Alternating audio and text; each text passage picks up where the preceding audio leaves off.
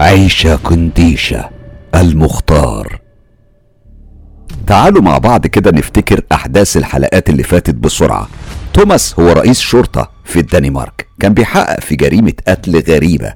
بعد كام يوم ابنه نفسه مات بنفس الطريقة.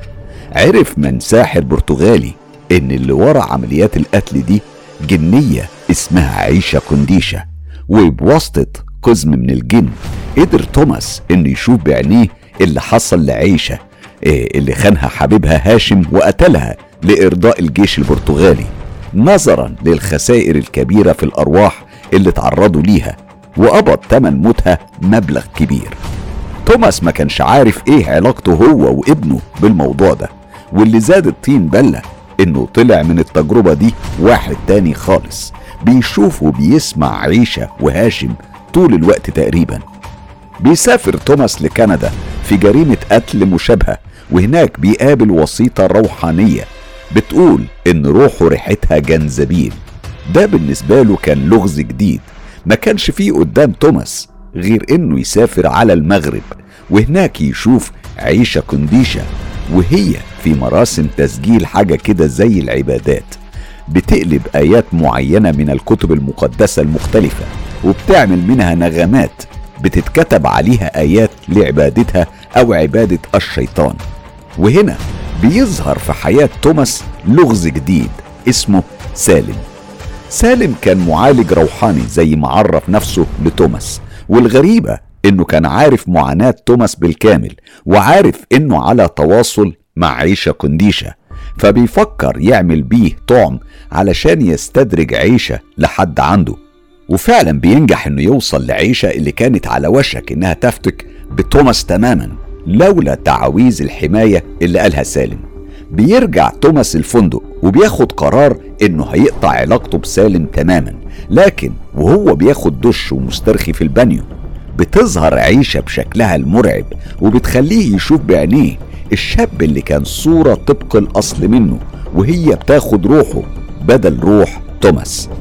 بيتصل توماس بالشرطة ويبلغهم بجريمة القتل وهنا الشرطة بتتهم توماس وبتحبسه. لما فجأة بيظهر سالم تاني وبيطلع توماس من الحبس.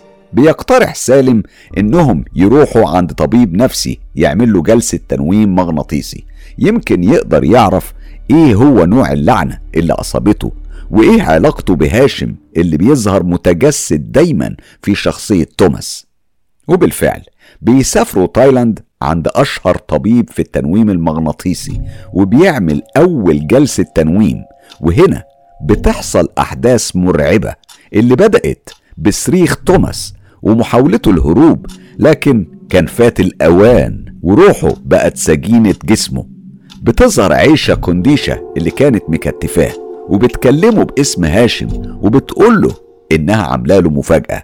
هنا قربت عيشة شفايفها من ودن هاشم وهمست بحاجة خلت وش هاشم هينفجر من الانفعال. لقد زرعت الجنزبيل في رحم نسائك. الجملة دي كان معناها إنها حطت لعنة في كل نسل هاشم في العصور الوسطى في أوروبا وتحديدا في أسبانيا لما كانوا بيحرقوا الساحرات. كانوا الساحرات دول بيلعنوا الأجنة في الرحم بتاع أمهاتهم. وده بيسبب سخونة في رحم الأم وتعب أشبه بالنار في أحشائها. وكانوا بيشبهوا التعب ده بالجنزبيل وتأثيره على المعدة. فلما كانوا يحبوا يوصفوا حالة اللعنة دي كانوا بيقولوا إن طالع من فرجها ريحة الجنزبيل وده معناه إنها حامل في طفل من الشيطان. فكانوا بيجهدوا الأم بالاتفاق أو حتى بالقوة. انتشرت فكرة ريحة الجنزبيل أو فكر ريحة الجنزبيل على أساس إنها لعنة الروح. هاشم كان هيموت حرفيا لأنه زي كل الرجالة العرب بيحلم بأحفاد أقوياء أشداء متزنين نفسيا علشان يحملوا اسمه مدى الحياة ويكونوا خير عون لبعض. المشكلة إن هاشم بعد ما قتل عيشة في الليلة المشؤومة اتجوز أكتر من بنت مغربية وأهلهم كانوا متخيلين إنه محارب شريف مراته استشهدت وهي بتقاوم الاحتلال فكانوا متعاطفين معاه لأقصى درجة وكانوا بيتنافسوا على نسبه. بعد كام شهر زوجاته بدأوا يحملوا في نفس الفترة اللي الشبهات كانت بتحوم حواليه وعلاقته بجيش العدو فالتحق بالجيش البرتغالي طبعا زي كل الخونة.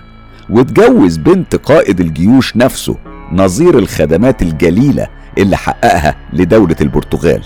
بعدها رجع أوروبا واتجوز أكتر من ست ولأجل اللعنة ما تكون موجعة كان بيخلف من كل الستات دي بشكل غير عادي.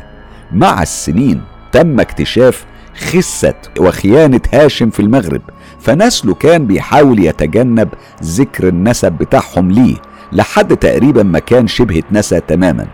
وفي أوروبا كانوا بينكروا إنهم هجين عربي أوروبي هم كمان كانوا بيحاولوا يتناسوا النسب للخاين هاشم. بس في الحقيقة نسل هاشم كان بيزيد وأحفاده اللي ما كانوش يعرفوا أي حاجة عن اللعنة كانوا بيزيدوا هم كمان.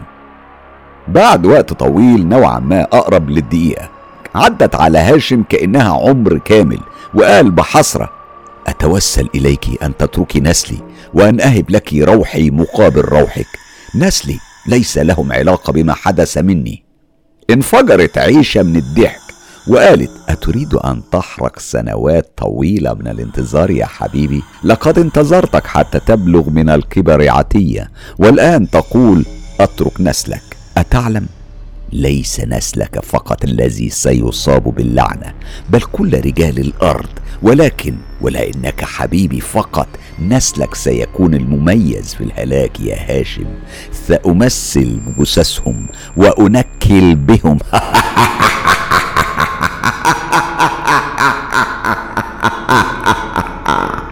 كان هيتكلم هاشم بس عيشة قربت منه ورشقت ضوافرها كلها في رقبة هاشم وصدره. اللي اندبح وجسمه اتقطع بمنتهى البساطة والكلام بيطلع منه زي حشرجة الطور بعد ذبحه. بيظهر الضيق على وش توماس وهو مغمض عينيه وكأن الألم كان بالكامل في صدره هو. سالم كان بيحاول يفوقه لكن دكتور أران منعه وقال بحزم أنت كده هتأذيه هو لسه متمسك بالجلسة. اقعد مكانك وإلا هضطر أطلعك بره قعد سالم على مضض وهو بيظهر على وشه علامات الغضب مختلطة بخوف شديد. بيتحول المشهد قدام توماس وبيرجع يشوف نفسه في نفس القاعة اللي كانت فيها عيشة كنديشة بتعمل طقوسها الشيطانية. والكهنة واقفين ولسه تسجيل الاسطوانات شغال وكأنه بيكمل مسلسل قطع حكايته عند مشهد مثير زي ما أنا بعمل معاكم كده. كانت عيشة على العرش من غير ما تنطق بكلمة وفجأة قرب الكاهن الأكبر من الميكروفون وقال إن ده وقت الغروب. هنا كل اللي في القاعة سكت تماما كأن الوقت ده مقدس عندهم.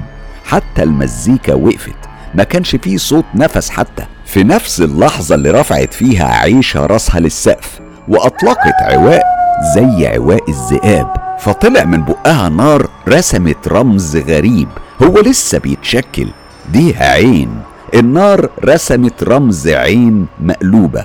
الغريب إن العين دي كان فيها روح وبتتحرك شمال ويمين وكأنها بتدور على حد في القاعة واضح جدا إن دي طائفة دينية فعلا بتنشط وقت غروب الشمس زي الخفافيش ومصاصين الدماء. كانت الرجالة بتستهدف الشباب وبتستدرجهم في مناطق مقطوعة بهدف التخييم أو أي نشاط مختلف وهناك وعند غروب الشمس كانت عيشة بتسحرهم وتقبض أرواحهم. أما بالنسبة للستات اللي شبه كانوا عاريات لابسين فستان موحد صدرهم تقريبا مكشوف بالكامل وبيظهر من باقي جسمهم أكتر مما بيخفي. كانوا بيستدرجوا الشباب بجمالهم وبهدف ممارسة الجنس.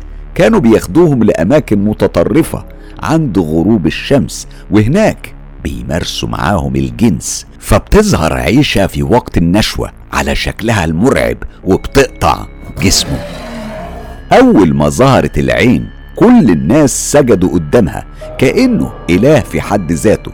حتى توماس اللي كان معاهم مش عارف هو نفسه ليه سجد أول ما ظهرت العين. العين كانت لسه بتدور بين الناس ولما شافت توماس اللي كان بيختلس النظر ليها سبتت وفضلت مركزة النظر عليه تحديدا. رفع توماس راسه وبص ناحية كبير الكهنة اللي الوحيد ما كانش ساجد وكانت المفاجأة. عينيه تيجي مباشرة في عين مين؟ سالم. تخيلوا سالم كان كبير الكهنة في جيش عيشة قنديشة كان بيبص في عين توماس وعلى وشه ابتسامة أقرب للتحفز تحفز ضبع لما بيكشر عن أنيابه وعينيه كان فيها تحدي رهيب. في اللحظة اللي العين بدأت تنزف دم بغزارة كأنك فتحت سد من تحت المية علشان يروي أرض عطشانة. كان بيصرخ سالم بكلمة فهم معناها توماس لما الناس اللي حواليه كتفوه. جسم توماس كان بيتنفض وشبه كان هيقع من على الشيزلونج لولا إن أران قال كلمة سريعة مع طرقعة صوابع معروفة.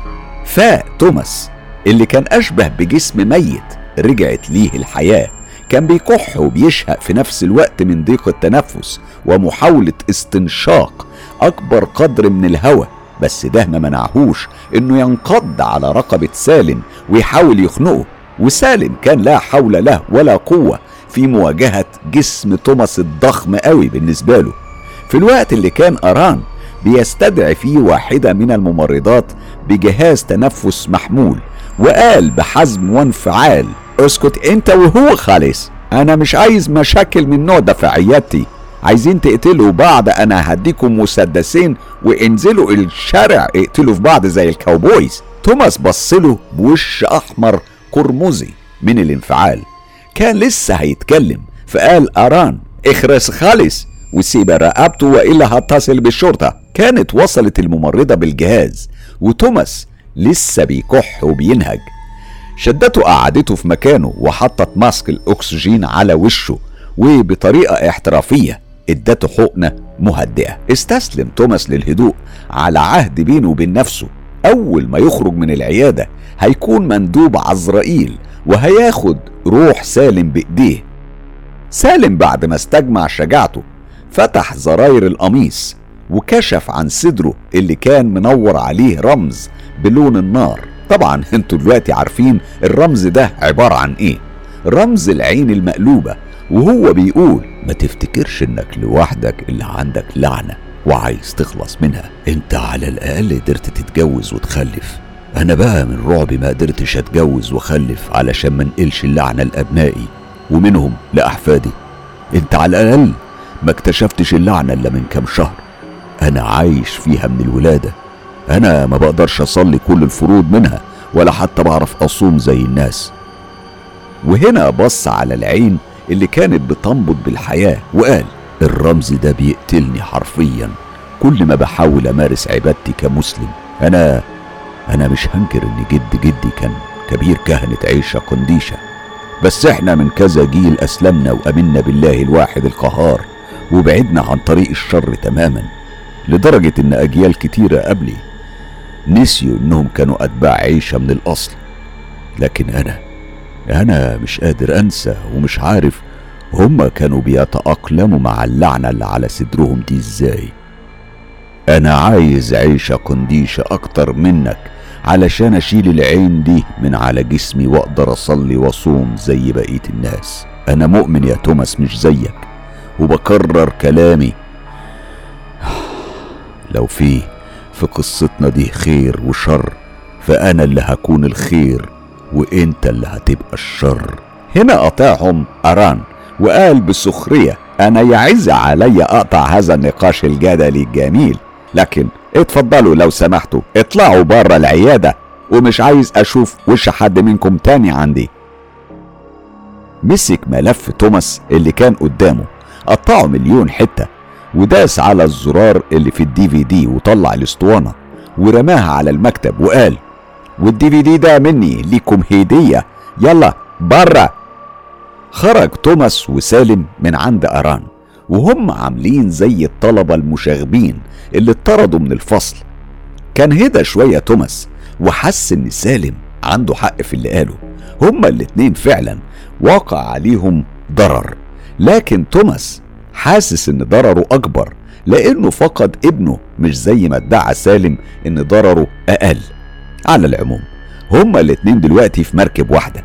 قال توماس بهدوء آه علشان كده انت فوقتني لما كنا في الهول من قبل ما أشوفك وأشوف وشك يا سالم. انت ليه ما قلتليش على موضوع جدك من البداية؟ رد سالم وكأنه كان مجهز الإجابة. لأنك كنت هتخاف مني ومش هتصدقني وما أكدبش عليك انت السبيل الوحيد للوصول لعيشة. ثواني قعد فيها توماس الأحداث اللي فاتت بالكامل وبعدين قال لا والله برافو عليك وأنت متمكن وكنت هتخلص من اللعنة.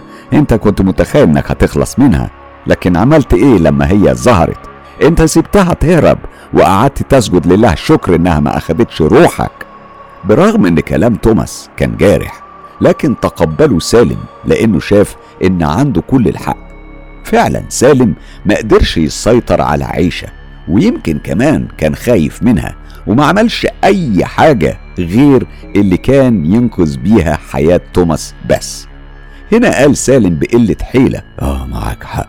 واضح كده إننا لو قابلنا عيشة قنديشة مليون مرة مكسبنا الوحيد إن إحنا نطلع من قدامها على قيد الحياة. اسمع يا توماس إحنا محتاجين ساحر أقوى. يكون على خلفية بالتعامل مع ملوك الجن والشياطين علشان يساعدنا.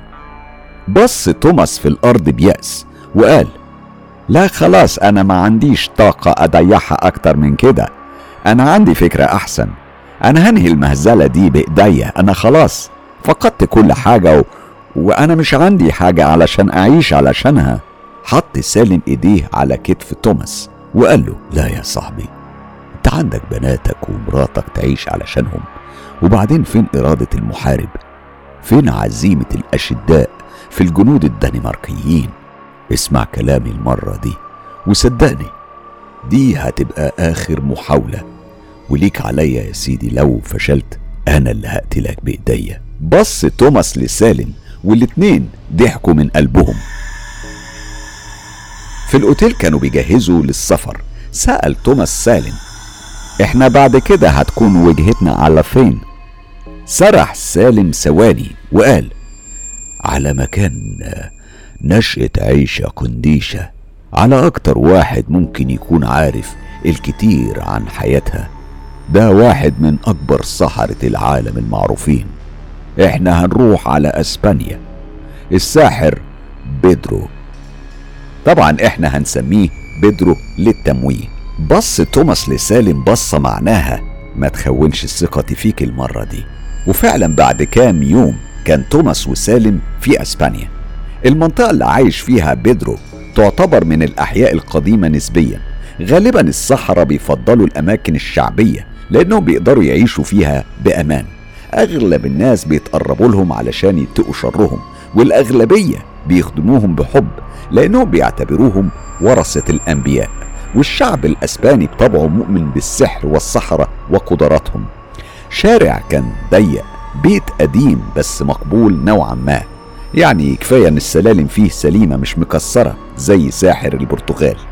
أبواب الشقق كانت كبيرة على الطراز القديم اللي واخد شوية من ريحة الأبواب العربية بالشراع الإزاز. وعلى عكس بيوت الصحراء الباب ما كانش متعلق عليه لا حدايات ولا سحالي. خبط سالم بكف مفرود بقوة كبيرة علشان صوت الخبطة يتسمع. الخبط اتكرر ثلاث مرات تقريبا. واضح كده إن الساحر بيدرو ما بيستخدمش الصالة في الشغل. فتح شاب في أواخر العشرينات الباب. شكله مش غريب بالنسبة لسكان المنطقة غير بالأخرام اللي في مناخيره وودنه. اللي كان لابس فيها حلقان شكلها عجيب والسلسلة اللي متعلق فيها عظمة لونها أبيض ناصع واضح إنه بيهتم بيها بشكل خاص. من حجم العظمة دي تقدر تعرف إنها عظمة قط. قال سالم بلغة أسبانية سليمة. عايز أقابل بيدرو ضروري. بص لهم الشاب من فوق لتحت وكأنه بيتأكد إنهم مش حكومة. كمل سالم وقال قول له قول له بس سالم من طرف معيوف. واضح إن اسم معيوف ده معروف لأن الشاب شبه انتبه في الوقفة ووسع المجال من قدام الباب وشاور لهم بالدخول. الفضول كان هيقتل توماس اللي سأل سالم بصوت واطي مين معيوف ده؟ رد سالم وهو باصص في عيون توماس. ده جن من خدام بدرو ويعتبر هو الملك يعني. معيوف يعتبر كلمة السر اللي بتدخل بيها المكان من غير قلق. حس توماس بالخوف والرهبة. المكان كان واسع وكبير جدا. شبابيك طويلة واصلة للسقف. نجمة خماسية عليها رموز وأرقام مكتوبة على الحيطة بتاعة الباب. وكأنها تحصين من الشرطة أو من الجن والأبلسة الغير مرغوب فيهم. النور كان شوية ضعيف. برغم مفاتيح الإضاءة الكتير اللي موجودة. فهم توماس إن فيه مستويات للإضاءة. واضح إن بيدرو ده عارف هو بيعمل إيه. في غرفة من ثلاث غرف نورها كان منور وطالع منها صوت ما كانوش قادرين يفسروه طبعا. واضح إن بيدرو شغال. نص ساعة كاملة قضوها في الانتظار وبعدها اتفتح الباب وخرجت منه. ست كانت أنيقة بشكل مبالغ فيه برغم سنها الكبير إلا إنها كانت محافظة على جمالها وأناقتها. كان معاها راجل في منتصف الستينات من عمره شعره لونه أحمر واخد لون الصدى وده دليل على إنه أبيض بالكامل وهو بيصبغه أصفر بصبغة رديئة. أسنانه كانت صفرة عيونه شبه مبرقة. نقدر نقول عليه رفيع برغم الكرش الكبير اللي كان عامل بطنه زي البطيخة. حواجبه شعرها طويل بشكل مبالغ فيه ولازقه في بعض. لما عينيه نزلت على سالم وتوماس مشيت في جسمه. حاجة زي الكهرباء كده وقال وهو بيختصر الكلام مع الست. شرفتيني يا هانم وأوعدك طلبك هيكون خلصان قبل الفجر. أنا عارف الموضوع ده مهم بالنسبة لك قد إيه. كانت وصلت على الباب اللي فتحه لها وهو بينحني باحترام وقفل وراها مباشرة وهو بيرجع نظره لتوماس بسرعة رهيبة وبيقول أنتوا إيه اللي دخلكم هنا؟ شاور سالم على المطبخ اللي دخله الشاب وكان هيتكلم وهنا خرج الشاب وقال إنهم قالوا كلمة السر معيوف حرك بدرو راسه شمال ويمين بمعنى يعني كأننا إحنا كده لبسنا. وقال أنا زي زيكم مش هقدر أساعدكم في حاجة. الأمر جد خطير. أنتوا طالع منكم ريحة الجنزبيل. قال توماس يا دي النيلة على الجنزبيل واللي بدع الموضوع ده. يا سيدي إحنا جايين لك في مساعدة مش أكتر ولا أقل. إحنا واصلين من اليأس والإحباط لدرجة إن إحنا ممكن نقتل بعض عندك هنا في الشقة. فمش هينفع إحنا نمشي من غير أي محاولة منا. حتى لو فيها موتنا. انت فاهم؟ دخل بيدرو الأوضة اللي كان شغال فيها واللي في وسطها كان فيه مجمرة كبيرة على طريقة الصحراء العرب وبخور ومكتبة فيها كتب كلها مكتوبة فيما يبدو يعني بخط الإيد على أنواع كتير من الجلود والورق الأصفر وبمختلف اللغات تقريبا. كان في في ركن كل حيطة كتاب مفتوح ووشه لزاوية الحيطة. واضح إنها الكتاب المقدس للأديان المختلفة. وقعد وراه سالم وتوماس وقال خلوا بالكم أنا لو ساعدتكم وطلع في تضحية بالأرواح أنا هضحي بروحك. وشاور لتوماس اللي وشه كان أحمر من الصراحة المرعبة وكمل بدره بدون شفقة ولا رحمة وقال وبعدين هضحي بروحك. وهو بيشاور على سالم. حتى لو هفدي بأرواحكم أتباعي من الجن وما عنديش أي مشكلة إني أقدمكم كمان قربان لو حصل غدر بأتباعي. رد توماس وكأن حياته خلاص مش فارقة معاه. أنا عايز في البداية إجابة لسؤال واحد. أنا ليه بيحصل معايا الكلام ده؟ واشمعنى أنا؟ وأنا لو روحي فيها نيلة جنزبيل ليه ما يعني ما خلصتش مني؟ زي ما خلصت من كل نسل هاشم ليه أنا اللي بتعذب العذاب ده كله؟ أنا حقيقي خلاص زهقت. أنا عايز أموت. مهتمش بدرو بدراما توماس التركية. ورمى بخور وأمر الباب بالغلق وفي لحظة ضرفتين الباب اترزعوا وهما بيحضنوا بعض. وقال ده اللي هنعرفه دلوقتي. حس توماس بقلق كبير من حركات بيدرو اللي بدأت كل حتة من ملامحه تتحرك لوحدها وكأنه مركب لكل حاجة عضلة منفصلة. بدأ وشه يتغير حتى لون شعره اللي كان نحاسي بدأ يبقى أبيض بالكامل. عينيه بدأت تخرج أكتر من وشه وتفاحة آدم ظهرت كأنها هتشق حنجرته. بدأت حرارة الأوضة تعلى لدرجة إنهم في ثواني معدودة. كان العرق بيشر منهم. بيدرو كان بيهمهم بكلام مش مسموع. لما فجأة مسك إيد توماس وبدون إنذار فردها على دخان البخور وفضل ماسكها بكل قوة علشان توماس ما يقدرش يشيل إيده. بعد محاولات من إفلات إيديه استسلم جسمه تماما ودخل توماس في حالة ثبات غريبة وعينيه كانت مبرقة. هنا توماس شاف البيت اللي اتولد فيه الغريب إن البيت ده ملهوش معاه ذكريات كتير لأنه تقريبا نقل منه وهو عنده يدوب خمس سنين. المشهد اللي شافه ما كانش محتاج غير أول يوم ولادة. صوت صريخ جاي من الأوضة الداخلية في البيت واللي كان فاكرها كويس دي كانت أوضة نوم أبوه وأمه. صوت ناس كتير كمان كان جاي من جوه وصوت ستات بتقول بصوت حنين اضغطي أكتر يا ماري اضغطي واضح إنه كان ده يوم ولادته. دخل توماس الأوضة اللي كانت مليانة ستات كتير من أهل المنطقة. راجل واحد بس كان واقف. أكيد ده يبقى أبوه. دخل توماس زي الطيف بينهم. كان عايز يشوف وش أمه بوضوح وهي بتتألم في ولادته. وهنا جسمه اتنفض. أمه كانت عبارة عن شيطان. عيونه ممسوحة. ما فيهاش نني خالص. شفايفها متقطعة. أسنانها أقرب لأسنان القرش بس دي كانت كتير ومرصوصة جنب بعض. شعرها كله مقطع شبه قرعة يعني. جلدها كان مكرمش بيزيدها بشعة. لما بتصرخ كانت بتظهر حنجرتها من جوه بالكامل لونها أسود واخد رتوش دم مرعبة وكأنها بير بيترمى فيه جثث من بداية الخليقة. الرهبة أخدت توماس اللي بص على وش أبوه فجأة فلقاه صورة طبق الأصل من وش أمه بس كان عليها يعني ملامح قلق. تخيلوا الملامح الشيطانية دي. وهي قلقانة. دور توماس عينيه في كل اللي موجودين. كانوا ستات عاديين بشر زينا. في منهم اللي وشوش مألوفة بالنسبة له هو شخصيا. ستات كان يعرفهم من وهو طفل. وفجأة صوت خوار زي خوار أطفال الضباع انطلق في المكان ومعاه اترسمت ابتسامة مرعبة على وش المسخ اللي المفروض إنه أبوه وطلع الطفل من ما بين رجلين أمه. مسخ زيهم بالظبط. وهنا قال الأب أنا هسميه توماس. رجع توماس لوعيه وشه اللي كان أحمر زي الدم اتحول للون الأصفر الشاحب وقال إيه ده بالظبط؟ أنا مش فاهم حاجة.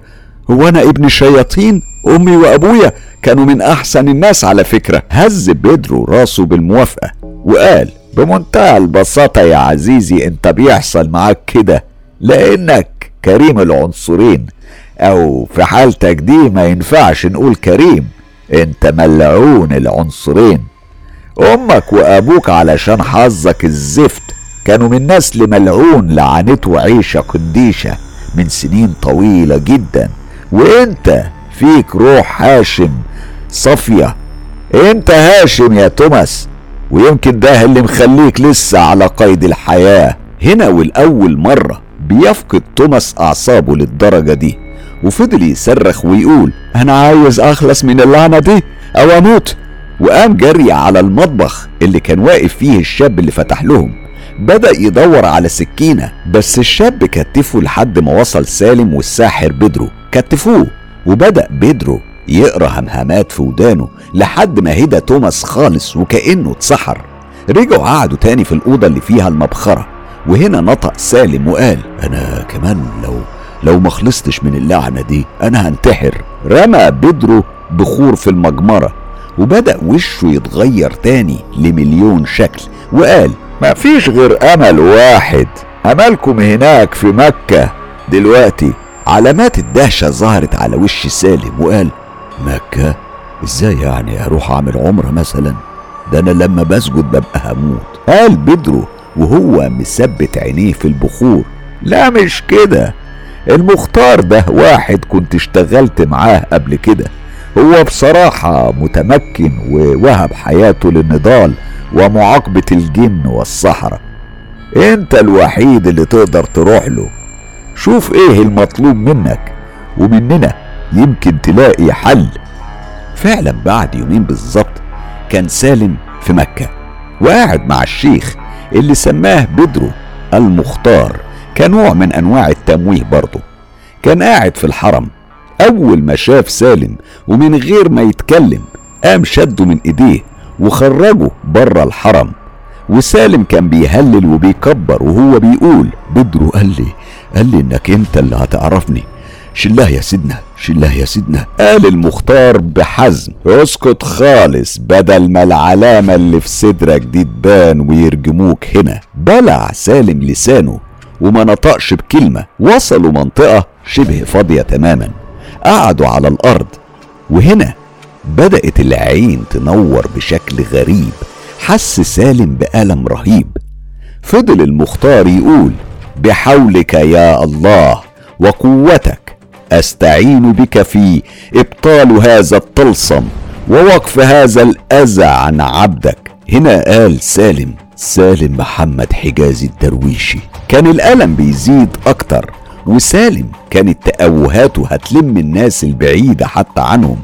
قام حط العارف إيديه على صدر سالم وبالإيد التانية خلط مية بالتراب وعمل منها عجينة. فك الإزار اللي على كتفه وقال لسالم حط ده في بقك علشان مش هتستحمل الألم. حط سالم الإزار تحت أسنانه في اللحظة اللي غطى فيها العارف الوشم بالطين وفضل يقرأ عليه آيات من القرآن.